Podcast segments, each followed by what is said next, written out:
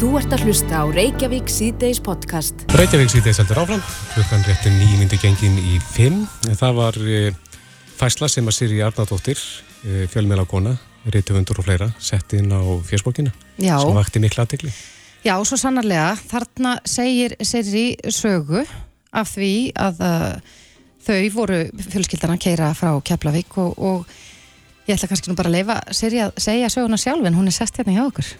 Kom til sæl. Sæl og blessu verið og gleðilegt ár. Gleðilegt ár. Þessi saga er búin að vekja uh, aðtegli, mikla aðtegli. Já, mikla aðtegli. Segð okkur aðeins, hva, hvað gerist þarna?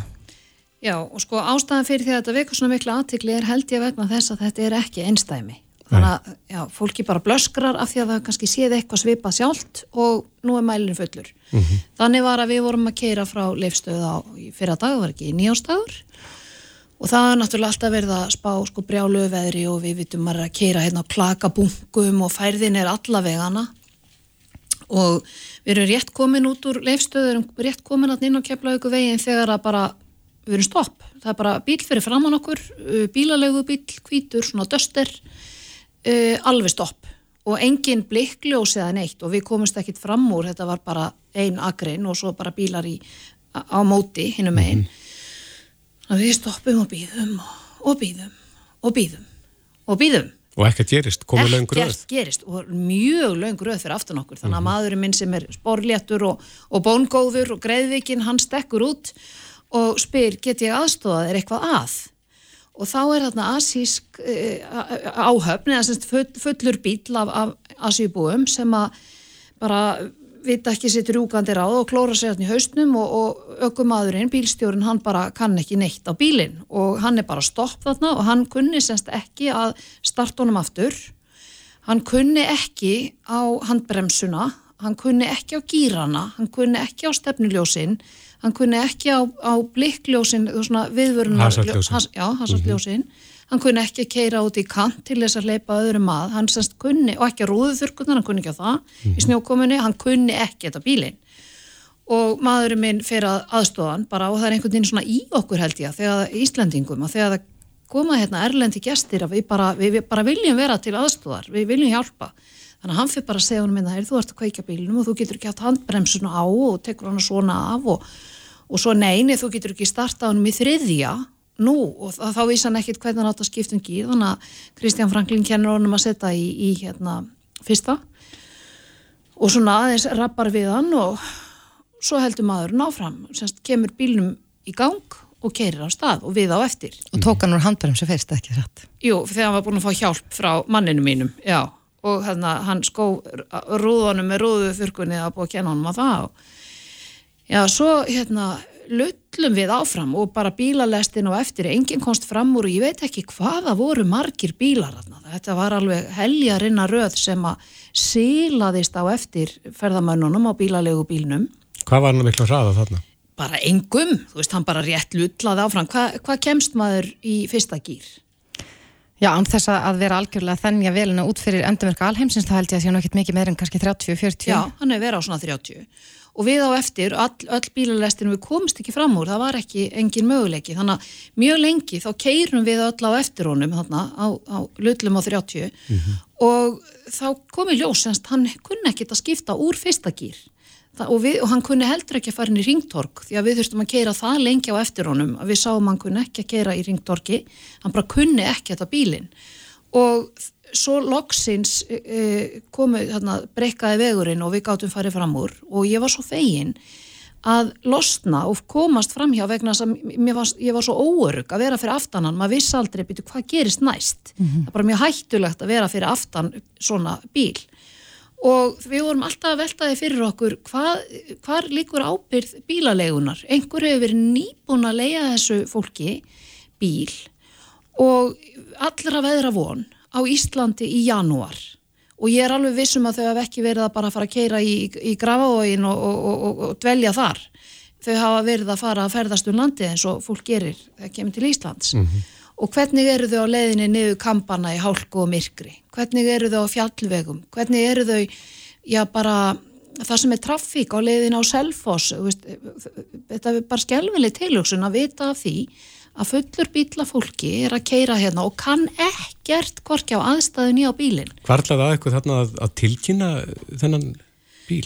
Nei og við höfum fengið svo mikla, mik, mikla aðtikli á Facebook síðunni minni, Siri Arnardóttir, að hérna fólk er, margir eru bara hálf pyrraðir og skamma okkur fyrir að hafa ekki ringt strax á, á lögguna. Mm -hmm. En það er einhvern veginn meira í okkur Íslandingum held ég að hjálpa mm -hmm. heldur en að ringja á lögguna og við erum ekkert, við erum ekkert alltaf með lögguna bara hérna í símanum alltaf kvarta.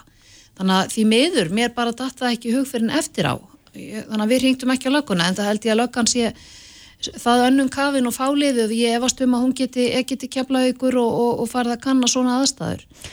En, en, en ábyrðin hlýtur að líka hjá þeim sem leia fólki svona bíla. Og, og, og svo eftir þetta þá er svo merkilegt sko að margir hafa verið að deila sögum af, af því að hafa upplifað eitthvað svona og hafa séð, alveg einu sem skrifar á Facebook um mannesku sem að vanna bílalegu um sömar og kunni svolítið í kynversku og sá að komaða hópur af kynverjum sem ætlaði að fá fjóra bíla og þar með síndu þau fjögur aukurskýrtinni sem að reyndar koma á dagina því að viðkomandi kunni svolítið í kynversku þetta voru bókasapskýrteini takk fyrir, þetta voru bókasapskýrteini Og fengu þessir aðlar leiðan bíl? Nei, fengu ekki leiðan bíl, bara nei, kemur ekki til greina, bara takk og bless. En einhver staðar annar staðar að það nálagt var, var þeim leiðubíl, þannig að þau fengu, gáttu kert í burtu með sín bókasapskýrteini á íslenska sveitavegi. Mm. En, en, og svo, svo hérna voru tveir líka sem skrifið á Facebook síðuna mína að þeir hefðu á þessum tíma aðeins heitna þarna ákjafla séð kvítan uh, döster bílalegu bíl sem hafi farið út af. Já. þannig að uh, líklega er það sami bílinu, þetta getur ekki fullir það mér finnst það líklegt. Þeir eru þá, reyndar alveg ískeikilega margir kvítu döstir hann er í umfyrinni Já, en þá er það tilvil já, allavega, þá ef að þetta er sami bílin, þá held ég að þetta sé bara gott að viðkomandi hefur þá bara orðið stopp snemma og, og farið út af frekar en að klessa á einhvern annan eða eða fara sér að voða, en, en hefur þú fengið einhver viðpröð við færslunniðinni sko frá uh, bílaleigum það eru auðvitað, já, auðvitað skilda þeirra að, að skoða aukurskýrstinni fólki en, en, en það er spurning hvort það sé sannreint að, að vissulega séum aukurskýrstina ræðan ekki bara bókarsafskýrstinni Sko ég hef ekki fengið, það er náttúrulega bara uh, hlutverk fjölmiðla kannski að ganga á eftir því mm -hmm. en uh, ég hef fengið alls konar viðbröð eins og mynd af einhverju auglýsingu, reynd sem að setja inn á Facebook síðuna mína mynd af auglýsingu frá bílalegu þar sem að kemur fram á ennsku, ég man ekki hvernig þetta var orðað en þú þarft ekki að hitta neitt. Þú getur sem sagt fengið leikilinn í bara... E, með, með kóða, getur bara fengið líkilin afhendan þessinu nóttið eitthvað og þannig að það eru engin mannlega samskipti. Ah, og, og þar með er ekki verið að ganga úr skuggum að fólki kunni neitt á, á bifræðina sem verið er að taka á leigu.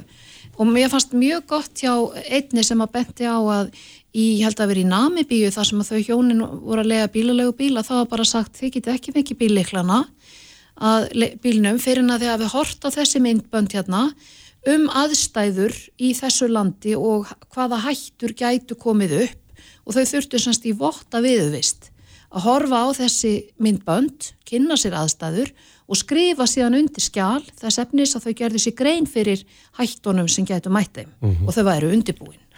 En Siri, ef þú lendir í svipuðum aðstæðum aftur, myndu bregðast öðru við? Já, ég held að ég myndi ekki vera svona, við myndum ekki vera svona kurti, sko, ég myndi bara segja, ég myndi bara spyrja, byrju, eru þið vissum að hérna, þið séu færum þetta og, og ég myndi taka niður númerið og ég held ég myndi ringi löguna. Já. Já. Ég, ég myndi gera það. það Tilur ekkis. Já, sko, það þýðir ekki að vera bara svona ofbáslega þakklátur að útlendingar vilji koma og skoða landið okkar, sko, við erum bara komin yfir það. Nú þurfum við að hætta þessari meðvirkni og og það er líka, við erum, maður er oft óttastlegin þegar við sendum börnin út í umferðina semst unga fólkið. Þá erum við að segja þeim, þú veist, fari varlega og fari varlega. En, það er, núna þá myndi ég hugsa, þú veist, vegna þess að þeir sem mæta þér kannski kunna ekki að keira mm -hmm. það finnst mér skjálfili til, til hugsun mm -hmm. vita, ef þetta er algengt að, að út í umferðinni er fólk sem er bara algjörlega ófært um að aka í íslenskum aðstæðum og bara kann ekki þetta á beinskipta bíla kann ekki einn svona rúðuþurkurnar, handbremsuna mm -hmm. hvað þá annað Já, það verður fórhættilegt að sjá hvort að það sé hægt að knýja fram viðbröð frá bílaleigunum við þessu en Sirri Arnardóttir, kæra þakki fyrir komin á segja okkur þess að sögu. Takk fyrir að bregðast við, mín var ánægðan. Þú ert að hlusta á Reykjavík C-Days podcast. Það er nú komið nýtt ár og uh, við heyrum af vandraðum uh, veitingastada. Já, við þetta töluðum oft um vandraði veitingastada og, og skemmtist það hér í heimsfaraldri, mm -hmm. þar sem allt var lokað og uh, reksturinn gríðarlega erfiður. En hann er enn erfiður og, og veitingamenn segja að rekstra umhverju sé orðið ómögulegt út af ymsu, bæði launahækkanir, ráfurverðshækkanir og fleira. Já, og í háttegisrættum kom fram að það eru veitingastæði sem er að leggja upp löpana sem að treysta sér ekki í áframhaldandi rekstur vegna hækkunar á, á uh, ráfuru og uh, efnist til þess að, að reka staðina og svo er náttúrulega launakostnæðurinn sem að bæti stofan á það. Akkurat. Hann er sestur í okkur, Aðalger Ásvaldsson, frangotastjóri Sveit eða samtaka fyrirtækja á veitingamarkaði. Kom til sæl. Komið sæl. Já, hvað er það helst sem er að sliga ykkur ef orðaðum á þannig? Já, það er bara akkurat það sem þið nefndi. Það er náttúrulega hérna launahækkaninnar sem eru árið 2022 og það er tvær pluss hafvakstar aukinn í mjög erfiður ekstra umhverfi. E, á nýja ári náttúrulega taka við e, herri ópenbergjöld, e, áfengiskjaldi, hækkar um til dæmi 7,7% og já, þetta náttúrulega hörmungastrið í Úkrænu hefur náttúrulega sett heldur betur strykið í rekningin líka þegar það kemur að ráveruverði mm -hmm. Og við hefum svona verið að taka það saman að það sé cirka 35% hækkun svona flatt yfir á innköp veitingarstaða sem hefur náttúrulega gríðarlega áhrif á, á reksturinn. Þegar... Það er vantilega misjamt ástandi hjá þessum stöðum, mm -hmm. sem er vantilega ganga vel og, og eru vel reknir en, en heyrið þú á mörgum sem eru komnir í vanda? Já. Við höfum verið einmitt að, hérna, að greina þetta svolítið vel og í gegnum COVID og, og, hérna, og það tímabila þá voru megin þorrin af veitingamennu sem tróðu marvarðan og, og jafnvel skuldsettu sig tók ríkislán, önnur lán til þess að fleita sér áfram í gegnum faraldurinn. E, og fyrir það að tróða marvarðan þá fengu þau ekki kannski eins mikla aðstóð og aðrir e, af þessum hérna lausnum ríkisins. Mm -hmm. þetta er svolítið millir skips og bríkju þar. Síðan kemur náttúrulega öflug, öflug hérna viðspyrnaða í þegar að hérna takmörkunum er aflett hérna í februar-mars síðast ári Já. og bara raun á sama tíma kemur stríði Úkránu og af, afleðinga þess náttúrulega eru að koma yfirborðið e, setna árunu og sérstaklega núna mm -hmm. Já þannig að veitingamenn voru, ég man nú alveg eftir þeirri umræði sem áttur sér stað þegar að veri var að, að aflétta öllu hér, að bjart sínir var mikil. Já, eðlisvari eru náttúrulega mjög sín, annars hefðu ekki svona mörg fyrirtæki komist í gegnum uh, faraldurinn, mm -hmm. það er bara svo það sé sagt. Um, og þe þetta er uh, svolítið komið á þólmörkum núna, núna hafa menn verið að, já, kveikja lósunum mótnana, slökkaði á kvöldin, þetta eru mikið til litlir og meðal stóri rekstraðalar sem eru svona bera megin þorran af fyrirtækjum í þessum grein mm -hmm. og það má ekki mikið upp á breyða núna þegar að árið 2022 þá er launanhlutfallið í kringu 50%. Já, þetta er vantilega stærsti kostnæðilegur fyrirtækjana eins og, eins og annara fyrirtækja. en hvað viljið þið þá? Viljið þið semja um læri laun eða? Nei, alls ekki og við hefum rætt við okkar stjættafélög sem eru þá matvís og ebling og uh, það hefur rætti við samtök atvinnlýsins og ferðið þjónustuna líka um þau þau lausnir sem við þurfum í rauninni að sína fram á hérna, fordómalösum tímum. Og við þurfum að grípa í aðra lausnir. Mm -hmm. og þá hefur við mitt verið að greina umhverfið í Norðurlöndunum til dæmis þar sem að álæginu er háttað á annan veg þar sem það er först krónutala ekki prósentur hlutfalla dagvinu eins og er í ef við týðkast hérna á Íslandi. Og já, það er svona kannski staðista breytingin sem við hefum viljað sjá með sér kjærasamning fyrir svona jáðargrein eins og, og veitingageran sem vinnur 65-70% af sínum tímum utan þessara hefðbundu dagvinnu. Hvað sjáu þið fyrir ykkur þar? Viljið þið semja það með lægri laun utan dagvinnutíma? Mm, í rauninni ekki. Við viljum frekar geta bakkað verkalýs fórustuna og upp í því að hækka grunnlaunin því að það er engum til bót, að menn ná ekki endum saman og mhm. sérstaklega þeir sem verst hafa það. Það sem við viljum sjá er það til þess að geta byggt upp fagmennsku í greininni að þá þurfum við aðeins að setja stopp á um, þessar álaskreislur. Við erum þá að tala um svona kvöldvinnu, næturvinnu, Já, já, bara í raun og veru yfir vinnu taksta þá. Akkurat. Uh, Þetta er uh, KPMG greindi nú hérna fyrir okkur uh, rekstraröngur okkar uh, árið 2020 og þar kemur ljós að það er helmingur starfsfólk sem stoppar innan við ár hjá okkur. Uh, og mestmegniða starfsfólk okkar er undir 25 ára, þannig að þetta er ungt fólk sem stoppar stutt við, er kannski að leita sér að auka vinnu eða eitthvað slíkt eða vinnu með skóla. Uh, Við viljum ekki svo sem stoppa það en við þurfum að geta svona held yfir um, þessum álaskreislum til þessara sem stoppa stutt við til þess að geta, geta gert betur við þá sem eiga byggja upp reksturinn og eru líkil starfsmenn, mæta mótnana, taka pantanir, sjá um hráöfnin okkar og eru svona vakstjórar og, og líkil starfsmenn. Þannig ef ég stilir rétt að þið vilji borga öðrum lægri laun til að geta borgað hinnum hærri laun.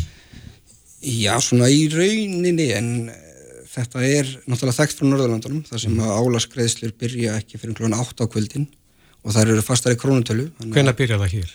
Það byrja klokkan 5, eða svona að öllu jöfnu, eins og hjá eblingu það byrja klokkan 5, ég held að vaffer sem er 6 og þetta er svona, já, yfirleitt eftir klokkan 5 að þá byrjar álaskreiðslu 33% á virkundögum og, og 45% eftir miðnætti og, og náttúrulega 45% alla lögat ásönda. Já, hafa þessar hugmyndir ekki fengið hljómgrunn hjá, hjá ykkar svona við semjöndum? Nei, allavega eh, finnst okkur afskaplega sorglegt að samtökun svo sveit sem eru með 270 rekstraðala og kringum 4500 starfsmenn innan þeirra við fáum ekki sæti við samlingsborðið þegar framtíð okkar er ákveðin.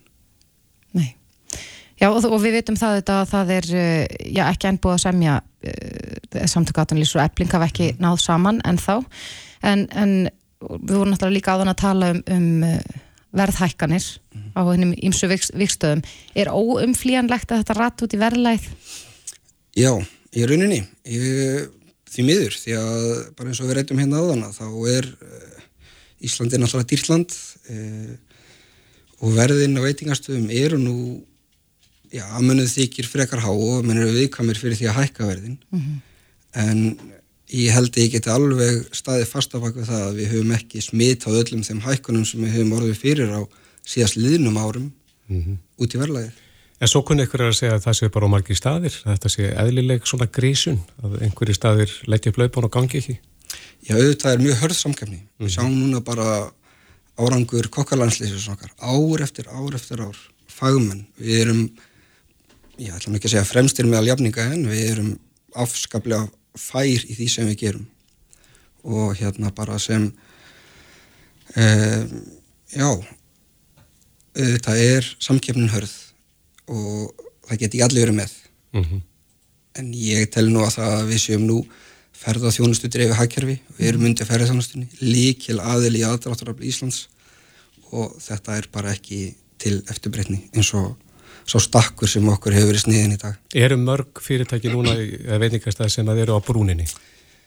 Já, án þess að ég geti kannski fullir það að þá er það mín eh, svona niðurstað eftir að hafa greint umhverfið núna upp á síkastíð að eftir það að hafa tróðið maður orðan í gegnum eh, COVID, eh, sé þessar hækkanir í gegnum eh, vöruverðið og annað að það sé í rauninni komið að þólmörkum hjá allmörkum. Já. Við sjáum það hérna bara til dæmis í hverjun okkar, hérna laugás, þegar við náttúrulega lagt upp laupana, kúkusnar, það eru margir staði sem í rauninni bæði komin að þólmörkum bara hvað varðar bara hérna kulnun, ég er náttúrulega búin að vera eins og ég sagði án, bara kveikja lósunum mótnana, slökka þau á kvöldin, sjáum allt frá að til ö til að halda rekstunum gangandi. Mhm. Eitt af því sem að, að margir Íslendikar hafa oft áhuga á og, og hefur verið aðeins rætt er, er eh, auðvitað áfengisverð.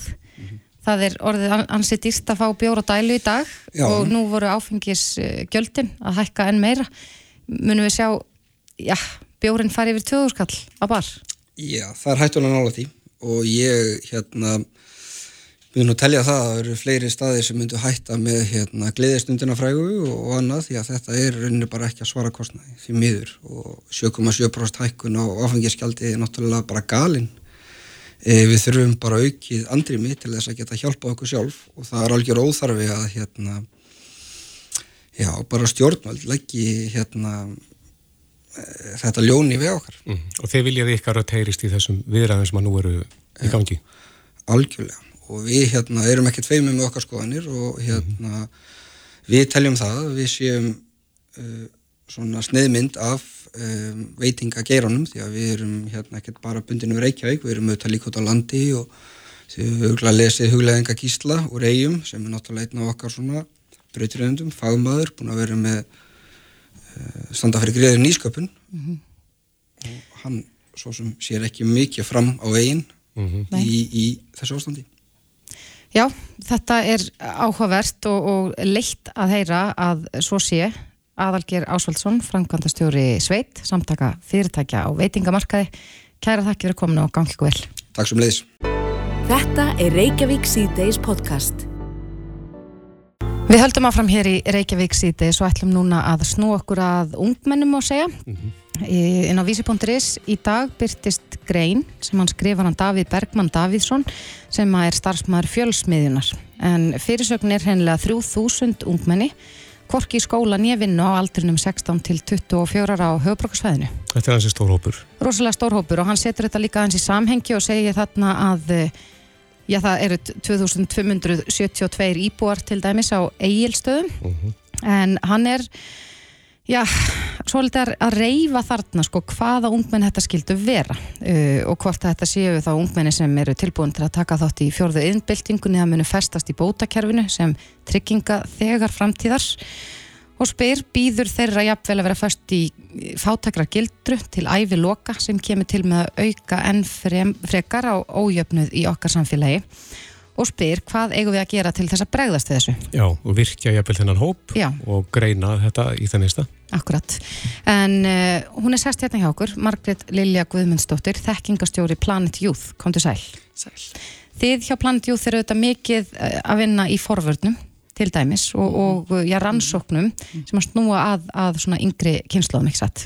Mikið rétt og ég er ekki bara að vinna hjá Planet Youth heldur hef ég tengst rannsóknum og greiningu í fjöldamörg ár og við höfum skoðan alltaf kannski sérilega í börn og ungmenni sem eru í skóla, bæði mm. grunnskólum og framhaldsskólum, en við höfum þrísasínum gert það sem við köllum utan skóla rannsókn og þá erum við sérstaklega að horfa til krakka sem eru framhaldsskóla aldrei en eru ekki skráð í nám. Og þetta er alveg rétt sem Daví segir. Þetta er þessi hópur, þessi hópur sem við höfum kannski alltaf mestu ágjörnar af, krakkarnir sem eru á skólaaldri ættu að vera ná sér í framhaldsnám eftir grunnskóla og sérilega hópurinn sem er ekki í vinnu, sem er sett kvorki í skólan í vinnu, þannig mm -hmm. það er mhm. alveg rétt að við eigum að hafa ágjör af þessum hóp og kannski sérstaklega núna eftir heimsfaraldurinn og það er þannig í öllum rannsóknum og meðal fræðmanna sem er að skoða börn og ungmenni að þá er hópurinn sem er á framhaldsskóla aldri sem er ekki virkur, hann er yfirlega langt mest ágefnið eftir hamfarir, hvort sem það eru heimsfaraldur, veikindi, náttúruhamfarir eða efnaðslegt hrun eins og var hérna 2008-2009. Mm -hmm. Þannig það er rétt, já. En Davíð fyrir ekki, Davíð hefur áveitjur á þessum hópi. Hvað, hvað uh, þarf að taka snöggan tíma til þess að, að ná til hópsins og, og forðunum frá því að festast? Sko það sem er kannski lang, þetta er breytt tímabil 16-24, þetta er nýju mhm. ár af æfi og þarna við framhalskólaaldurinn sem er 16-19 ára núna og svo eru við þá komið með krakka sem eru þá búið með nám eða, eða verknám eða fara áfram í, í háskóla. Þannig að þetta er mjög breyður hópur. Það sem að skipta náttúrulega mestu máli er að halda honum virkum, það er náttúrulega líka latri alveg eins og Davík bendir á í greininni að, að hafa hópin virkan. Og auðvitað viljum við að sem flestir fari áfram í einhvers konar nám eftir grunnskóla líkur og brottfall hefur lengi vel á Íslandi verið hátt. Eh, ég get ekki staðfest tölunar hjá Davík hvort þetta er þrjúðust en það skiptir það kannski ekki öllu máli en ég kíkta aðeins á þenni komin að til ykkar að þegar við skoðum hópin sem byrjaði í mennskóla 2016 þá eru óvinni lítið brottfall þar. Mm. Þannig það verður líka mjög spennand að sjá mun brottfalli auka, aukast hjá þeim sem að hófi framhalskóla nám 2020 þegar heimsfaraldrun gekk hérna einna mest yfir. Akkurat. Þannig að halda þeim virkum mm -hmm. og í raun og veru líka alveg svo benda á í þessari tíðnæmdu grein að halda þeim virkum og þau sé að gera hluti sem þau hafa áhuga á og það er mjög áhugavert að sjá hversu hátt hlutfall nefnda dettur út úr eða hættir í raun og veru í framhaldsskóla einhver hlut er sko beinfallega bara vegna þess að hann hefur ekki áhuga á því sem hann er að læra og það er meira brotnám til dæmis úr, úr yðnmentun heldur um bóknámi og ég hef oft bent á það og við höfum oft séð að í okkar ansóknum að krakka sem eru í yðnámi eða verknámi vilja frekar vera í færri bóklegum áfengum Mm -hmm. Það er allt og mikið kannski bóklegt námi í okkar verklega námi. Þannig það er alls konar hluti sem við getum rýndi í og ég ætla rétt að vona að mentamála yfirvöld sé að rína í gögnin. Hvað er það sem gera verkum að brottfalli var minna síða, úr síðustu niðurstöðum heldur en að hefur verið áður? Og svo fylgjast mjög vel með þeim hóp sem er núna að klára þá næsta vor 2023 eftir þryggja ára framhalskólanám hvort að brottfalli hafi haldist að, eða það hafi haldist að það sé að læka. Já, ég held að, að, að flestir sem hafa verið, bara við sem höfum verið á þessum aldri, þetta eru gríðarlega mikilvæg ári lífimanns, maður er að mótast mikið og verða, já, fullanum einstaklingi. Um, er, er hættan eins og þú sagði ráðan, er hún meiri fyrir fólk á þessum aldri ef að, já, það er, er lítið fyrir stafni og áhugin lítill úr hvorki skólan ég vinnu að, að er áhættan meira að maður bara hreinlega festist þar, að maður Nei. finni ekki Alveg klárt og við höfum séð það í þeim utanskóla rannsóknir og greining hefur staðið fyrir að krakka sem eins og ég segir hvorki skólan ég vinnu, þeim líður verið andlega, þau eru, þau eru frekar í výmafnanislu og þau eru bara almennt verri staði, við getum orðað að þannig heldur um krakka sem eru í skóla mm. þannig það er sérstakta áhugjefni og það þegar þú ert að móta þú ert kannski að horfa á jafnaldaraðin að rjúka áfram í sínu lífi en þú ert fastur á þeim stað sem að þú kannski finnur þig ekki að því oft er þetta bróðskap einfallega það að börninni eða ungmenninni er ekki að finna sig e, í þeim hlutum sem það hafa verið að fá fást við. Þannig að hvort sem það er fjölsmiðjan eins og Davíð vinnur hjá eða ungmennahús eða hvernig sem það er, við þurfum og ég myndi segja að við þurfum að setja ekstra fjármagn í það núna e, bæði vegna þess að við sjáum það líka bara almennt meðal framhalskóla nema sem að þó eru virkiskóla. Þar er líðan, andleg líðan lagar heldur hún var fyrir COVID. Þannig ég held við vitum það alveg við þurfum að bregðast já, hratt og vel við núna að halda utanum munmænan hópa því annars fer hann að búa sér til minnstur sem er kannski alls ekki æskilegt. Hver er besta leginn til að tegja sér áttina þessum hópi, að, ná til hans? Uh, ungmennahús að bjóða þið velkominn að, að hérna, og náttúrulega við getum kannski hugsað um íslenska forvarnamódeli, við séum vakandi, að foreldrar séu vakandi og foreldrar heki þá ekki við að leita sér aðstofar ef þau hafa áhugjur af krökkunum sínum, að við eflum náms- og starfskerfi inn í grunnskóla, inn í framhaldsskóla, þannig við hjálpum börnunum okkar að finna hvaða er sem þau hafa mestan áhuga á, að við höldum þeim líkamlega virkum, við vitum það út fyrir okkar gögnum og séum það í ára tugi að krakkar sem eru virk, alveg sama hvaða starf það er sem eru skipilöðu starfi, þeim líður almennt betur Þannig við pössum líka upp á það þó þau farið framhaldsskólan og margt breytist að þau séu enþá að hafa svona eitthvað aukriðtis fyrir stafni sem þau hafa gaman af. Þannig að, að ég myndi segja að það bara eins og alltaf að líta svolítið í nærum hverju barnana, hvað er það sem við getum gert og hlutir eins og fjölsmiðjan, eins og ungmennahúsin, það eru mjög góði staðir og þá kannski sérstaklega fyrir krakka sem eru aðeins komin, komin út úr því samingi sem þau hafa verið í. Mm -hmm. Já og þetta hefur maður Já, heyrst talað um eh, námsrákjafa og, og það er hægt að fara í allskynns, já, próf, bara einhvers svona áhuga próf og annað til þess að reyna þá hjálpa þessum ungmennum á rétta braut að finna eitthvað sem er já, vekur áhuga þegar það heldur þeim við efni. Það er, er líkilatri og ég held, ég bara líti minn einn barm og í kringum mig, ég held að við fóröldrar og forröðumenn getum gert miklu meira ræða þess að hluti við börnun okkar. Við höfum síðan núna undanferðin ára þá hefur tækniskólinn vera einna vinsalisti skólinn og þannig hefur þurft að vísa frá nefndum eh, skil hverja meina og það er kannski bara til til að nýtil komi mm -hmm. að við erum jafnvel að þrýsta börnunum okkar út í eitthvað nám sem það var hreinlega engan áhuga á og ræða þessa hluti hvað viltu verða þú ert honum stóra að einhverju alvöru. Þannig við séum svona að ráðleggja þeim og, og beina þeim í þá átt sem við vitum að þau komið til með að blómstra.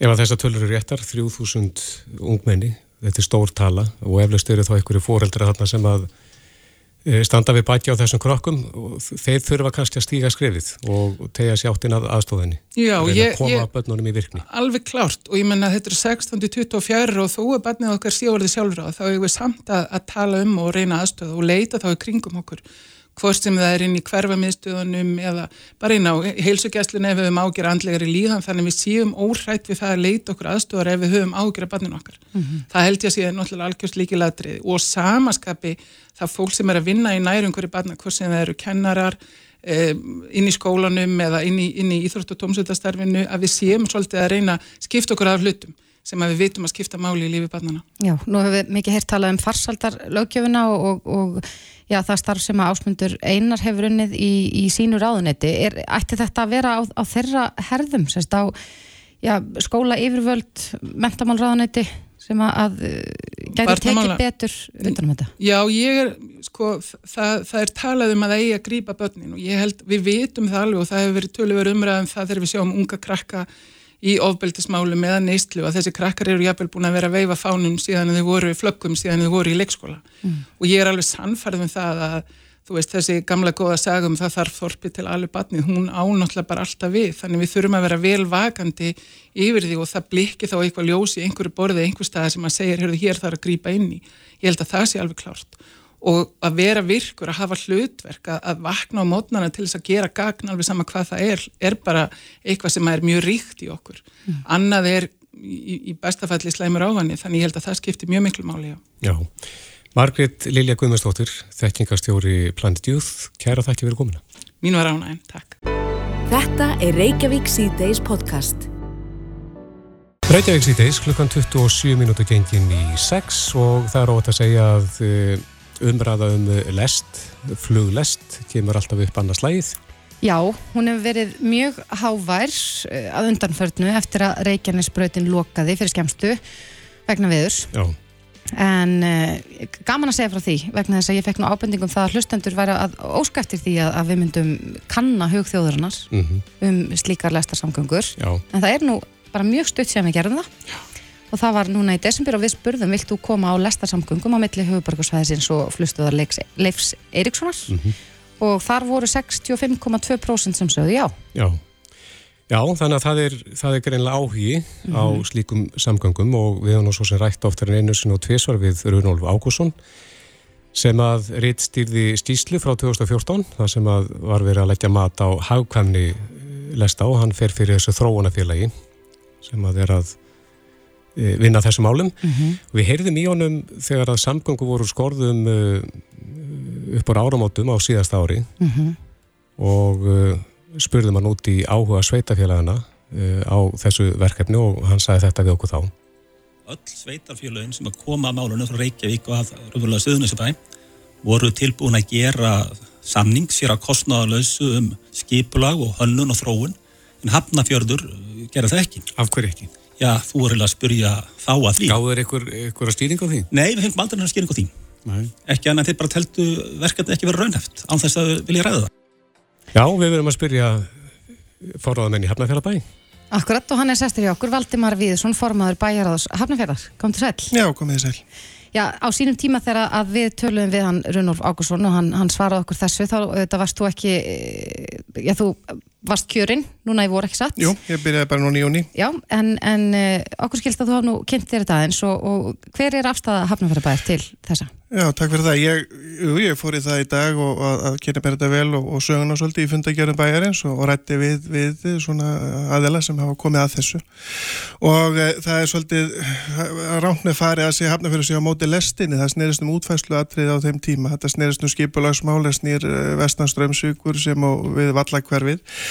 Og e, það, það sem við tókum varandi þetta erindi var höfnunni að við vorum ekki að fara með það lengra einfallega vegna þess að það var svo mikil vinna í gangi hjá öllu sveitafélögum og höfuborgarsvæðinum bætta samgangur sem var í gangi á þessum tíma þegar þetta var hvað, hvað háværast. Það var líka í hinu sveitafélögum sem var samþygt að vera með. Nákvæmlega og ég tel það ábyrðar hluta líka hjá þeim bæjarfullurum sem sátu og, og ég ætla ekki að dæma aðra bæjarfullur á hvað það varðar en, en bæjarfullur í hafnaferði þeir letu svo á að við vorum að taka þátt í mjög kostnaðasumu og stóru verkefni sem voru bætta samgangur og höfuborgarsvæðin á þessum tíma að ekki verið tíma bært að fara í hitt verkefni samhliða en síðan kemur það svo daginn að nú árið 2019 þegar skrifaður undir þessa gífurlega metnaðafullu samgöngu, metnaðafullu samgöngu sáttmála Sveitafélag og Höfbrukarsvæðinu sem er einu bara stórvirki í, í hvað var að samgöngur á, á landin öllu ef, ef svo maður segja þó að snúist bara um þetta svæði en það búið það margir á þessu Höfbrukarsvæði að eh, útfæsla borgarlínunar er hluta þessu samgangu sáttmála og það má vel vera að einhvers konar útfæsla af lest eða fluglest eða hvað við köllum, köllum, köllum það eigi heima þar inni Þannig að Hafnarfjörður hefur aldrei sagt að það sé á móti lest. Þetta snerist um útfæslur, þetta snerist um vinnu sem var í gangi og þetta snerist um ákveði skipulagsatrið er snýra, snýra landi Hafnarfjörðar sem að -hmm. bæjarfjörður voru ekki tilbúinur að hafa óskilgreint á þessum tíma. En hver er skoðan því núna? Sér þú fyrir að Hafnarfjörður vilji ganga til liðs við þetta verkefni? Ég sé að sko Hafnarfjörður uh, mun eins og önnu sveitafjölu ekki skora stundan ábyrð og ef að þetta verkefni uh, vin, borgarlínu eða góðar almenningssamgöngur þá ætlum við ekki að skorast undir ábyrg hvað það varðar. En það snýst þetta bara um samtal og samvinnu, þetta snýst um skipulasatriði, þetta snýst um uh, öryggi borgarana og það er náttúrulega algjörlega ótægt að, að, að Reykjanesbraut loki hér í marga klukkutíma og ógni þar með öryggi lands og þjóðar í sjálfu sér þar sem við komumst ekki að alþjóða flugvællinum þeim eina sem við erum með.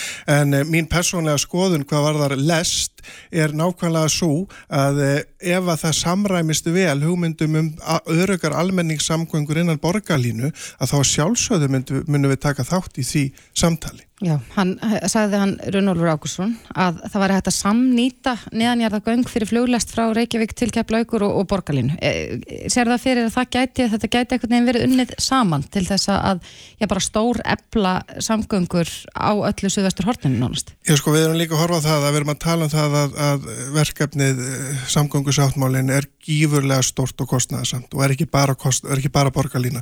Ég minn er að, að tala um 120 miljardar í því sambandi sem það verkefni kostar starf á 2019-2031. Þetta verkefni á þeim tíma sem skíslan var önnin minni með vera 150 miljardar.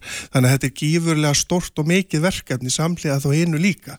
Þannig að þetta snýst ekki um það þetta eða þetta, þetta snýstum ákveðna samlegð, gengur ganga ákveðna hugmyndir sem koma fram í skýslunni hjá Runnolfi og, og hans teimi saman við e, þann sáttmála sem skrifa var undir hérna árið 2019 eða ekki og það þurfa sveitafélagin bara að skoða. Ég sé alveg samlegð í því en hins vegar á ég eftir að sjá ákveðnar útfæðslur, kostnaðamat og fleira en það er samt alveg ljóst að við getum ekki búið við þetta e, öryggi íbúa og, og, og erlendar ferðamann og annari sem koma til landsins í ógnað e, með því að Reykjanesbrautin eh, loki, við þurfum að bregðast við því.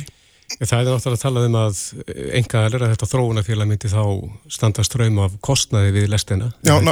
Þið myndir leggja þá til landið. Nákvæmlega. Þið viljið vantarlega að, að lestin, ef hún verður að veruleika fari þá í gegnum hafnækjörðu, það ekki? Vissulega, hún þurfti náttúrulega að gera það og við þurftum líka að sjá útfæslur, að snúa að hvernig, hvernig það kemur sér eh, vel fyrir hafnækjörðu, minnum stoppa við fjörði að fyrir hún beint í gegn eða hvernig er útfæslur.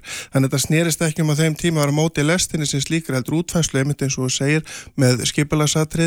um að að að, skipilagsmálum vestan strömsvíkur og einnig svo kostnaða hlutdel sveitafélag sem náttúrulega eru það alltaf ykkur vissulega í, mm -hmm. í, í svona stóru verkefni og svo er svo um að gera að skoða þessa samlegð með lestarhugmyndinni og við þá útfæslu í samgöngusáttmálum sem er borgarlínan og eins og þú bendir á hvert að þetta geti gengið saman og hafna fyrir alveg tilbúin í slíkt samtal. Mm -hmm. Er samtalið er nú allavega farið af stað að einhverju leiti Þórti Slóa Þóraldsdóttir fórseti borgarstjórnar í Reykjavík. Já, hún kallar eftir lest og uh, þetta er nú ekki hægt að gera annars að, að margir tali saman. Býstu við því að, að það verði funda um þetta og, og að, að boltin fari almennilega að rulla á næstunni? Ég hugsa að umræðan verði og er orðin hávær og, og hefur komið upp uh, reglulega í, í gegnum þessi ára þó ég hef bara tekið við núna í, í júni í þessu, verk, þessu verkefni sem ég er í núna að þá var ég alveg var við þessu umræðu á þeim tíma og hún mun koma upp og kemur upp áfram og er orðin hávær núna sérstaklega út af þessu lokun og ég tel að, að þegar að vera að kalla eftir þessu með þessum hætti að, að þá ber okkur sem vinnum hérna innan, eh, innan SSA eða samtakarsveitafélag samhliða borgarlínu útfæslu. Hvort að þetta verði niðurstaðan ekki það þarf þá í ljós eftir þá vinnu og útfæslu og, og eins og þú bendir á líka að, að það snerist um þróunafélag sem greiðir en þetta snýst líka um skipulagsatrið og fleira sem þurfa að vera í sátt og samlendi við öll sveitafélagin. Mm -hmm. Það stendur til að þú tæki við, er það ekki bæjarstjóra stólnum á miður kjörtímabili? Ég tek við það eftir rúmlega hálf kjörtímabili, jú, við, við hérna, skiptum þannig með okkur, vorum að vinna saman þessi tver flokkar á síðasta kjörtímabili og vinnum saman áfram núna, þannig ég mun taka við þessu eftir, já, í upp loka ást 2024. Mm -hmm. Viljið þið heyri í raunólum, myndu berað eftir við að, að fá kynningu hjá hann á þessu verki? Ég sko, þetta, eins og ég fór uh, hérna inn á hér áðan, þá hef, fór ég í gegnum fundagerðir og kynningar sem verðu voru á síðasta kjörtíðanbili, mm -hmm. en þar sem þessu umræðir komin upp aftur, þá er náttúrulega kominir nýjir bæjarfulltrúar og nýjir fulltrúar í stjórn sveitafélaga og mikilvægt að öll sveitafélagin taki þá upp þessu umræði aftur og skoði þá, skoði þá samleið með borgarlínunni og þá, og þá fá kynningu samlega því. Já, mér heyrist þið ekki alltaf skorast undan. Við ætlum ekki að skorast undan að sjálfsögðu þessu samtali en eins og ég segi, hvað verður eftir, eftir slíka vinn og samtal hvort það er lest eða útfæsla af henni, það þarf bara að koma í ljós. Já, Valdimar Víðesson, formadur bæjar ás Hafnarferðar. Kæra þakki fyrir komina. Takk fyrir. Reykjavík síðdeis á Bilginni podcast. Guðan Guðmusson, hann Gaupi okkar kom til okkar í gær, fór aðeins yfir heimsmeistaramótið handbólta sem að hefst, eh, já, fyrstileikur Íslands er, er 12. janúar. Akkurat. Og mikil spenna fyrir þessu. Ég held að það sé akkurat það sem við þurfum. Er það ekki? Svona í byrjun árs og það er mjög dimmt hérna og við erum náttúrulega mikil handbólta þjóð. Já, og handbóltin hefur þjappað okkur saman í gegnum tíðina Svo sannarlega. Og það kom fram í spjalli við Gaupa að það er mikil stemning fyrir þessu móti. Það eru fjögur þúsund Íslendingar sem hafa pantað sér far til að fara á og fylgjast með og styðja strákana. Akkurat. En við heyrðum líka af starfi að því að nú, nú þegar við tölum um sko andlegan stuðning við leikmenn, það er algengast að þessi talað um það. En það eru aðri sem að koma af þessum leikjum sem eru dómarar sem eru í eldlínunni oft á tíðum. Já, svo sannlega. Nú Jóhann Ingi Gunnarsson, sálfræðingur, hann hefur verið í mörg ár núna, ég held í áratug, að vinna fyrir Evróska handbóltasambandið, einmitt í því að styðja og styrkja dómara andlega. Akkurat. Er það ekki rétt Jóhann Ingi, komdu sæl? Já, komið sæl, jú, það er bara alveg hár rétt og, og með þess að þróa sem út í það að hérna vinna líka með eftirlitsmenn og eftirlitsdómara, þetta er alveg heilmikið system í kringum þetta sko Mhm. og, og sama tíma hef ég reynda verið líka í hérna vinna með svona þjálfara að svona að menta þá kannski þessir handluðu styrta þjálfum þessar fremstu þjálfara heimsins og fyrst að voru nefna þetta dásalega íslenska landslið sem við eigum að þá hefur náttúrulega verið þar innan handar um, frá, frá því elstu menn muna. Akkurat. Hvað er það helst, eh, Jóhann, sem, a, sem að þú ert að þjálfa þig? Þetta er andleg styrtar þjálfun sem eru þetta ekki síður mikilvæg heldur en svo líkamlega. Já, sko, auðvitað er það þannig að, að dómara leiksins, ég segi stund að þeir eru framkvæmtastöra leiksins, það fyrir enginn leikur fram án dómara og, og kannski skólun og þeim er einhvern veginn þannig að, að þjálfa upp svona leitóhæfileikana, svona eins og bara stjórnendur í fyrirtækjum og þeir eru náttúrulega mjög sérstakri að- aðstöðu að það virðist vera svona byssur leiða á það, þeir mun eftir því að allir dómara voru í svörtum búningum svona svarti sögurinn sko. það var alveg, það mátt allt gagvart dómurum, þannig leikmenn óböðstra dómurum og, og, og, og bladamenn og að reyði þetta leiði sér og við sem áhörðum það er leiðilegt að segja allan fjandan og svona leikjum og maður er ekki handjátnaða sko. Þannig að þessir einstaklingar eru náttúrulega gríðalegri pressu að hérna það er náttúrulega mikið í húfi hagsmunir og það er pólitík og það eru peningar og og það er náttúrulega ímislega sem við gest í þessum heimi sem ég hef gena þegar ég var þjálfur í gamla dag í Ískalandi ég maður heyrði sögur því að ég ætti dómurum hefur verið mútað og það að spila heimavelli og útivelli það var nánast útiloka að vinna á sömu að pressan var svo mikil og þá var náttúrulega ekki verið að sína jafn mikið á þessu eins og það er í dag í sjónvarpi. Þannig ég get leitt með að segja það bara svo að styrta mánu þetta er orðið gjörbreyttur heimur og alveg gríðarleg fámesk og það hefur komið skemmtilega óvar það er að segja hvernig þessir einstaklinga dómarar hvað er leggja mikið á, mikið á sig til að vera í fremstu röð og vera í toppformi líkamlega, andlega og þetta með reglurnar alveg upp á tíu sko. Já, en við sjáum oft sko í fótboltaleikjum að þar eru dómarar látnir heyra það og, og menn svona hamast í dómarum. Er það eins í handboltanum? Eða, Já, já, eða eru já, þeir látnir það meir í friði?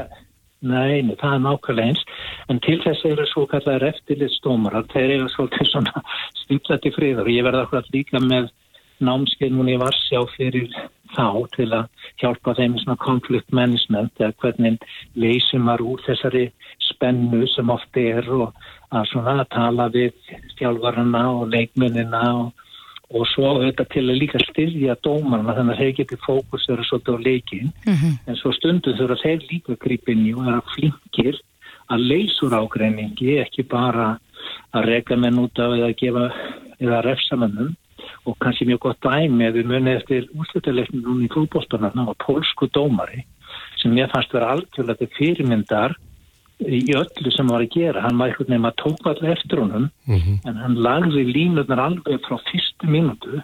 Og maður sá í þessu leik þar sem hann var mikið í húi að hérna að hann var alveg með þessa andlu hlið á, á hreinu og átti í mjög góðum samskiptum og, og dró mörkin mjög snemmi leikna þannig að hann fekk gríðaða virðingu bæði frá leikmönnum sem öðrum. Já, en Jóhann, gleymast dómaratnir stundum í, í svona þessari umræð þar auðvitað mikið talað um sko undirbúning hjá liðunum og leikmönnum sjálfum fyrir svona stórmót.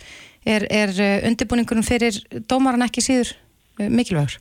Já, en þau bara vissu sko, þau eru búin að vera námskeiðum í allan vetur, eru alls konar kursum í gegnum neti, ég er búin að vera að halda fyrirlestra fyrir þá og, og þeir eru að fara í gegnum reglutest og, og þeir að vera að mæla þá fram og tilbaka, það er mjög mikla kröfur gerða til þeirra og á sama tíma eru þeir nú kannski ekki uh, launaður uh, eins og kannski það ætti að vera, kannski í fólkbólstanum en, en í handbólstanum er þetta alveg nú ólíkinn um hvað hvað einstaklingar er tilbúin að leggja á sig en þetta er náttúrulega mjög oft í tal því sem velji vera dómar að þeir hafa bara útbóslega ástriðu fyrir handbólta mm -hmm. og hafa ekki endil allir verið eitthvað góði leikmenn eins og við sjáum með marga þjálfara sko en, en það sem er komið skemmtilega óvart er bara að faglegt þetta umhverfið er og, og, og það er að leggja í þennan undirbúning finnst mér líkvistundu jafn mikið og bara leiknum þeirra æfast um hverju bara jafn mikið og, og aðurnmennir í handbólta. Já,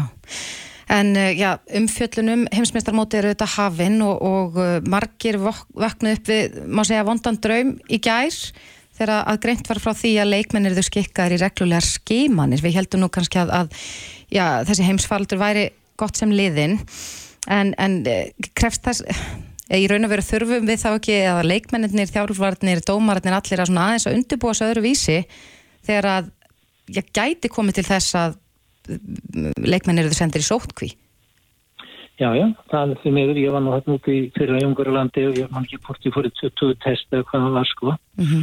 og þegar þetta kom upp núna þá, þá með sér feitt ringingar hjá frá okkur og landstiðsjálfar og landstiðsfyrirlega hvort ég get haft ykkur áhrif á þetta mm -hmm. og ég breyti þessu og, og, og ég svo sem alveg hafði samband og sagði við þurfum að vanda okkur mjög vel í því hvernig þetta er sett fram því að þetta býr til kveikju, þetta býr aftur til guðminn og náttúrulega aftur að fara í þetta því að þetta var meirinn að segja þegar fyrra þó að menn hann lengst alveg dásuna úr því hjá íslenska liðinu sem öðru á, hérna, í Ungverðarlandi að um, ég sjálfur að hérna fara í test á, á, á höstu daginn þannig ég þarf að fara í test og sína fram á það þegar ég kem til Vassjá á, á hérna sinu daginn að ég sé ekki með COVID og, og allir sem að koma að þessu þurfum svo að fara hérna í vikulega í einhvers konar test þannig að það er náttúrulega mjög öðvöld að að er einhvern neikvæðin gýr með þetta en, en svo getur við sagt að better safe than sorry svona bara eins og mig hjálminn að hérna ok, við skulum bara gera þetta og, og vand okkur því að það er náttúrulega þetta búið að skemma náttúrulega heilu mótin hvað sem það voru síðustu olimpíuleikar eða, eða hluta til Evropamótið í handbólta eða síðasta heimsmjörstarmóti handbólta mm -hmm. fyrir tómum höllum og okkur langar ekki tangað aftur En Jóhann Ingi, getur þú gefa okkur dæmið um það hvernig svona andleg styrstaþjálfun eh, dómara fer fram? Hvað, út af hvað gengur hún? Já, hún gengur út á það að ég reynir svona að fara yfir ákveðna hugmyndir, svona faraðum í henduna ákveðin verkfari, byrja alltaf á því að tala um hvernig maður byggir gott sjálfströst. Um, ég þjálfa þá í samskiptum við leikmun, við þjálfarana að eiga við þá samtal að hlusta en samt sem áður að vera ákveðnir og, og draga þessi mörg. Ég kenni þeim aðferði til að takast á ála og streitu og líku við að njóta sín í þessari pressu. Um, finnast það alveg bara gegja að fá að vera partur af þessu og, og fagna og hjálpa þeim í undirbúningnum að, að hérna takast á við alla þessar aðstæður. Já. og síðan ég ætlum funda ég með þeim fyrir leiki fyrir verið ákveðin atriði. Og síðan heitt ég þá, þá leiki sem ég sé. Að þá heitt ég þá líka daginn eftir þegar þeir eru búin að fá sína endurgjöf frá eftirlistofnum þá fer ég yfir svona þætti eins og líkamstjáninguna. Hvernig þeir voru að bera sig að í leiknum.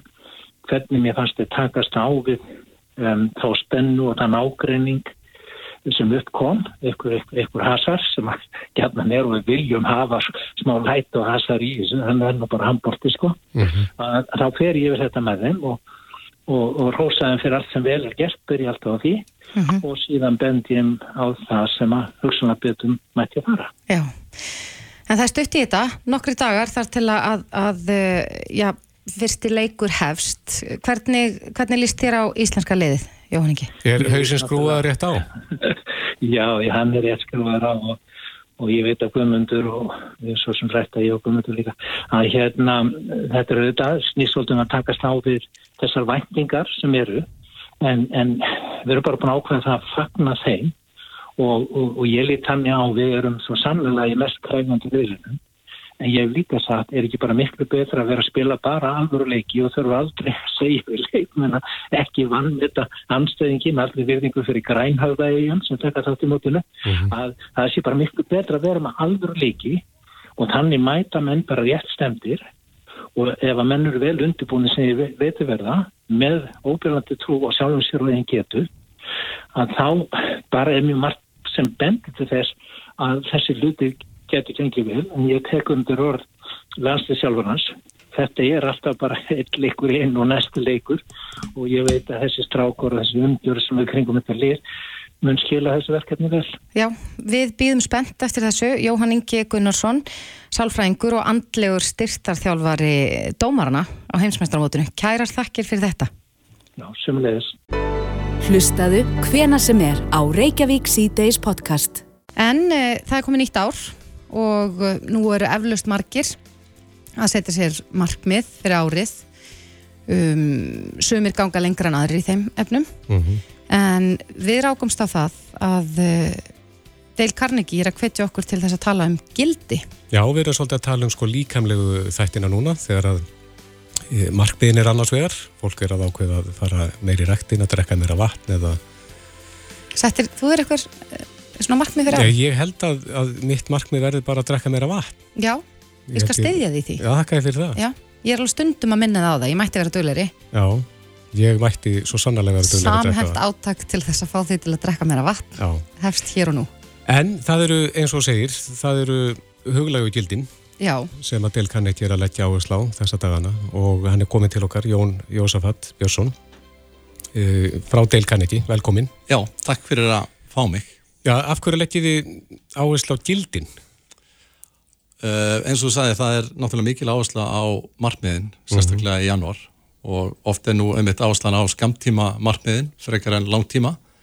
En við vildum svona draga aðeins þessa umræðu um gildi fram í dagsljósið og gera svona eitthvað öðruvísi svona þetta, þetta árið og það sem að kannski færa okkur líka til þess að hugsa um þetta er auðvitað bara þessi umræða veist, um unga fólkið okkar, um einmannarleika, um hérna, allskins vannlíðan hjá ungu fólki. Hérna, Tölum við ekki nóg um gildin? Nei, ég held ekki og ég held að við bara tölum allt og mikið um, inn, sko, um umbúðir frekar en innihald. Mm. sko þegar ég heyri orðið gildi, þá hugsa ég rosa mikið bara svona um fyrirtæki. Hver eru gildi þessa fyrirtækis eða næsta fyrirtækis við hliðina á okkur eitthvað slikt vegna þess að þetta er mjög ríkjandi í fyrirtækjamenningu að, að eh, já, allir sem að starfa hjá okkur fyrirtæki sé að vinna að einhverjum sammeilum gildum. Já. Mættu við vera duglegri að heimfara þetta bara á okkur sjálf, bara hver eru mín grunn gildi sem manneska? Absolutt, já. Uh, sko, hérna fyrirtækin eru, eru mjög dúlega veit að það er alveg rétt og þau með hins vegar ekki glemma því að starfsmennir hafa líka sín eigin gildi og gildi er, þetta er pínu ósýnlegt. Ég held að allir hafi gildi án þess að kannski hafa settuðu blað eða velt fyrir sér í raun og veru hverðu eru. Mm. þú veist, gildi koma úr veist, menningu, trúabröðum, fjölskyldu, uppbeldi og alls konar utan að koma til þáttum. Heima hjá mér var aldrei sest niður og tekin einhver gildafundur, þú veist, en það voru rosalega ströng gildi. Þú veist, það var bara frændirekni, sparsemi, hérna, dugnaður og, og svona gömul og góð gildi sem að maður var bara leittur í gegnum. En þú veist, maður, maður vissið ekki fyrir en lungu setna hverju voru. Hver eru svona helstu gildin? Þú, þú nefndir hérna nokkur? Gildi, ég held að séu hérna, þú veist, inn á, við hendum nú inn á síðunni bara svona gagnabanka inn á deil.is, þar eru held ég einhver 60 gildi sem að fólk getur valið sér. Kveikjan að þessu kannski núna var það að við höfum verið að fara daldið mikið í skóla og félagsmiðstöðar og hitta krakka og, og letum útbúa svona gildastokka, svona spjöld með einhverjum 40-50 gildum. Mm -hmm. Höfum verið að leifa þeim að, að svona leggja þetta fyrir fram að sig og og svona taka út í lokurinn aðferðina á þetta, hvaða gildi höfða til þeirra og, og og láta þau svona, þú veist, byrja með 40 og enda með 2-3-4 og út úr þessu spinnst óbúslega skemmtileg umræða og þetta er yfirleitt hérna krakkar á aldrinum 10-15 ára sem við erum að gera þetta með og eru svona almennt í kannski fyrsta sinn sem að, að þau eru að hérna bara heyra um þessi hugtök svo faraði með stokkin heim og við fáum mjög gætna frá fóröldurum hérna, miklar þakkir og, og mörg símtöl eftir mm. svona skóla heimsóknir það sem að þetta heldur áfram og þessi umræða fer inn á heimilin. Hver er ávinningurinn að því að rækta gildi? Ég held að ávinningurinn sé bara svo að, að svona einhvern veginn sættast betur við sjálfan sig að svona reyna að, að svona finna þetta hvaðan að koma og hvert þetta fara. Þú veist, úr hverju ertu gerður? Hérna, hún heitir hérna, Kristún Heimistóttir hjá Kirkjúþingi sem var nú með ágetis hérna, illeg í haust þegar hún var að tala um hérna, að, að skólaheimsóknir væri bannaðir í kirkjum. Hérna, ég er nú ekkert mjög trúrækin maður langt því frá en, en, hérna, en finnst hennar punktur um það að, að veist, þessi bóðskapur, hvort sem er með búta eða kristni eða hvaða sem er, þetta er ákveð innihald, veist, það er ákveðin gildi í þessum sögum. Og ef þú tekur þetta í burtu þá þarfst að setja eitthvað, eitthvað í staðin, þú voru að gera eitthvað meira heldur en að setja þetta bara í ferli og hugsa um hvað þú ætlar kannski að gera um tíma setna. Þannig ég, ég held að það bara, það vantar þessa umræðu inn á heimilónum, meira inn á vinnustöðunum milli vina og hjóna. Veist, hvert viljum við fara, hver viljum við vera? Mm -hmm. Nú eh, opnaði hérna vefsíðan ykkar deil.is og er að, að skoða uh, þessi gildi sem að þið svona, já, seti fram þar. Er, er vænlegt að vera með mjög mörg gildi eða fá eða, eða er það bara mjög persónabundið hvernig hver einstaklingur er? Já, það er í raun og veru svo sem ekki hérna réttið að ránt í þessu og þessi listi á síðun er alls ekki tæmandi. Veist, við svona mælum með að fólk kannski séu með einhver 2, 3, 4 hérna grunngildi svo er reyndar hægt að hafa aðra tegundagildum sem er þá svona gildi löngunar. Veist, það er eitthvað sem að þú hefur kannski gendilega en, hérna, en vilt hafa. Mm. veist, kannski viltu vera hugreikari og þá er fint að bara nota það og nota það sem að til þess að minna sig á þegar þú ert í ykkurum aðstæðum sem þú ert kannski að fara að bakka út úr. Mm -hmm. þannig að hérna, já. Já, og þá er þetta í raun og veru orðið að hálkið markmiði kannski að markmið að, að verða hugrekkari svo að það geti verið þá eitt af þínum grunn gildum. Já, þetta er einhvers þar bakvið. Veist, við, við köllum þetta stundum þessar svona óskrifuðu reglur veist, og fyrirtæki nota þetta til þess að hjálpa starfsfólki til þess að sko í aðstæðan þar sem þú getur ekki náð utanum allt saman, mm -hmm. þá ertu með þessi gildi til þess að hjálpa þetta til að meðta hvað er rétt og hvað er ramt. Veist, gildiðinn er eitthvað sem gefur aldrei afslott af. Þú Já. bara, þú berst fyrir gildum sko En, en þeir líka, sko, þetta er mikið talað um, um nótkunnar samfélagsmiðlum og svona hvernig, já við heyrum þannig hér í vittalum daginn að þetta væri svona ákveðin flótti hjá fólki að, að, að bara hverfa inn í síman á kvöldin og, og kannski ekki eigðins miklum tími í samtöl við sína nánustu. Mm. En þeir segja hérna að það er auðvöld að láta að berast með strömmnum og eigða miklum tími að lesa fyrirsagnar og fletta samfélagsmiðlum. En það er eins og ekki sjálfgefið að strömmurum bera okkar þánga sem við viljum fara að vera. Ehm, þeir mæli semst með því að maður setist niður, eh, gefið því gaum hver eru manns grunngildi. Já. og jápil þá, já leggja síman eftir hlera með hann Já, já, við erum ekkert að mæla með að fólk hætti, hérna, hætti á samfélagsmiðlun en ég held að það sé bara gott að íhuga það. Hvað eður miklum tímum í að fletta í fyrirsögnum og, og gera eitthvað kannski sem að skilur ekkert óbáslega mikið eftir sig versus það að setast actually niður með sjálfum sér og eiga þetta innra samtal. Bara hvert vil ég raunverulega fara? Við hvað, fyrir hvað vil ég standa veist, mm -hmm. hva, mhm. hvað skiptir mig máli í lífinu sko. Einmitt, á bóðskapu deil kann ekki alltaf jafn vel við stenstan tímastöðun kannski ekki alveg sko óhlutræður en, hérna, en ég held það já, eftir sko 110 ár þá hérna að það skulle enn vera til og enn jafn vinsalt og raunberi vitni þá held ég að hérna hver er galdurinn? Er galdurinn? ég held að það sé mjög einfalt sko þetta var náttúrulega bara fundið hérna, þetta er í raun og veru bara mannleg hefðun sem að leiði til ávinning sem að var fundin hérna, eða var sapnað saman og búið til uppskrift sem að mun standast tímast tönn sko. Þannig að það, það er enginn kjarnorku vísindi á bakvið þetta. Þetta er bara, þetta eru góðar vennjur og allir ættu að tilengja sér góðar vennjur, hvort sem það er delkaniki eða, eða eitthvað annað gott. Akkurat. Já, við hvetjum hlustendur og ég hugsa að ég gera þetta bara sjálf að renna en sé við bara hver eru mín grunngildi og hvernig maður getur já, tilenga sér þau. Það er þetta með fjölskyldunni. Já, góð hugmynd. Jón Jósafat Björnsson, uh, frangotastjóri Deil Karningi. Takk kærlega fyrir koma. Takk fyrir að koma. Reykjavík síðdeis á bylgjunni. Já, það þekkja það flestir að fara út í búð og gleyma póka. Það var mjög eftirminnlegt atrið í áramöndaskaupinu núna þar sem að, að hún Saga Garðarsdóttir var á kassanum svona, svo, svolítið hérna að, að því að virtist svolítið þreytt móðir með barni sitt á sjálfsakurslu kassa og glemdi póka Já. og þurfti að lappa þessa skammargöngu að standinum sem að geymir plastpókana Já.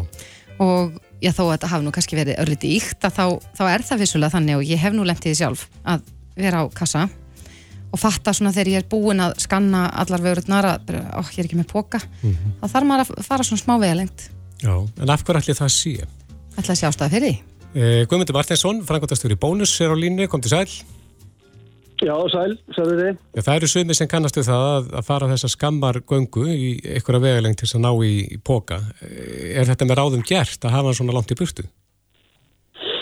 Já, þetta var nú hérna, hann Guðmundur Ingi þeirra setti þetta í lög fyrir, er þrjú á síðan. Og það ætti að, skerða með þessu aðgengi að svo kvöldum einnota vörun og hérna einnota umbúðum. Og þetta voru svona þessi sóun sem að var og er mikið í umræðinni og ég held nú að hann hafi gert þetta með góðum hug og, og hérna hann vildi vel með þessu. En þetta mælti þetta ekki vel fyrir. Og hérna Virkar þetta? að- Já, já, þetta, þetta gerði það og, og þetta var svona líka bara kvartning til neytenda um að, nota fjölnótabóka, mun eftir þeim. Það var svona, það var svona, já, markmið með þessu á sínum tíma. Já. En þannig að, að já, þetta var kannski ekki gert í þeim tilgangi að, að láta mann ganga skammarka umguna miklu. Nei, og þetta var nú svona haldið tilrönaverkefni og, og þetta var enda sett í lög en, en, um, það var ekki viðlög við, við þessu en, en hérna en, e, máli er bara það að, að við bónus var enda fyrsti stórmarkaður sem hætti með plastburðabóka. Og þessi pókar sem við erum að bjóða upp og eru svo kallega víf niðurbrótalegi pókar og, og, og það er ekkert plast í þeim. Og, og ef þeir eru flokkaði rétt að þá þá hérna þá brotnaði í náttúrunni mjög flott En er En það ekki er verið inn á náttúrulega- pókasvæðinu? Ég segir sko mega vera svona í 2 metra radjus, það er svona, það er svona viðmið. En veist, þessi póki, þú veist, það er alltaf að vera að tala um sko, að þessi einnóta vara en, en hann gegnir í rauninni sko tvíþættir hlutarki, hann er bæði börðapóki fyrir vöruna til að koma þeim heim og síðan endar hann svona í langflestum tilfellum held ég segja um ruslapóki. Þannig að hann gegnir nú sko tvennir hlutarki. Já. Og þeir, þeir sem eru að, að, að nota fjölnóttabóka, þeir þekkja náttúrulega líka að, að þá vantar póka í rusli og þá er fólk að kaupa aðra póka í þeim tilgangi. Akkurat. En, en líka fjölnóta pókan það var margi bent á og ég hef séð svona uh, umræðu um það en á samfélagsmiðlum undanfarna daga að, já, það er á flestum heimilum til margir fjölnóta pókar vegna þess að þegar maður gleymir pókanum og vill kannski ekki ganga skammargönguna þá fer maður og tekur nýjan fjölnóta póka og svo endar þetta í rönnum í einhverju skuffu eða í skottin á bílnum Ætli það sé umhverjus vætna að, að framlega svona mikið af fjölnóta pókum? Maður svo sem veit ekki, maður er alltaf að læra hverjum degi og, og, og það sem að maður held að væri rétt í gæri er kannski orðið úrætt í dag og, og, hérna, það á öruglega við um, um margt sem við gerum hérna, en ég held samt að, að svona fjölnóta póki er, er hérna, hann er mjög góður hann- allavega bónuspókin, hann endist vel og, og ég held að, að hérna, og fólk notar hann í, í sko mörgum hann kemur að góðu notum á, á margan hátt fólk er ekki að nota þetta bara sem, sem yngöfbóka heldur nýtist í margt annað Já, þetta eru svona flutningspókar. Já, þú veist að það er þetta eru, eru nýsterkir og endast vel og, og hérna og eru tildulega bara já, góð, góð vara sko. En e, það er nú mikið búið að ræða skaupið. Hve- Hvernig fannst þér þetta tiltekna atriði? Ég, ég, ég fannst að fyndi það, en, en já, ég, hérna, mér fannst að fyndi og þetta, það var, mér fannst skaupið mjög gott, það, var svo, það voru svo margi punktar sem að voru í skaupinu sem að hittu algjörlega í mark og hérna bara með betri, betri skaupum sem að, sem að ég hort á. En, en Guðmyndur, einn spurning að lókum, hefur það verið tekið saman hjá okkur hversu mikið sko salan á uh, þessum ja, einnótapókum hefur dreigist saman að undanfyrnu? Svona undanfarin ár kannski? Já, ég húst, þetta, þetta, þetta byrjaði sko, þetta voru svona 30-35% samdráttur á ári í, í, í þessum svo kvöldu einnóta bókum. og, og hérna, og við tókum hann bara saman um daginn að ég held að það séu komnir í umferðum 500.000 bónus fjölnótabókar. Já, það er auðvitað að það er einhverjir sem er með fleiri neittnin á heimilin sínu. Það er ljóst. Já, jú, og, og, og, og ég, ég bara sem sem mínu heimili er, er, hérna, er bara notað fjölnótabóki þannig að hérna, og ég held að það sé víða og, og, og, hérna, og ég held að þetta sé bara svona eitthvað sem að við temjum okkur smátt og smátt og, og þetta lærist sko. Já, akkurat. Já, Guðmundur Martinsson, kæra þætti fyrir þetta spjall. Við slúum vona það að fólk mun eftir fjölnótapókunu þegar það fyrir í búð. Sér ekki að sapna þeim í bunkum. Kæra þætti fyrir spjallið. Takk sem leiðis. Reykjavík síðdeis á Bilginni podcast.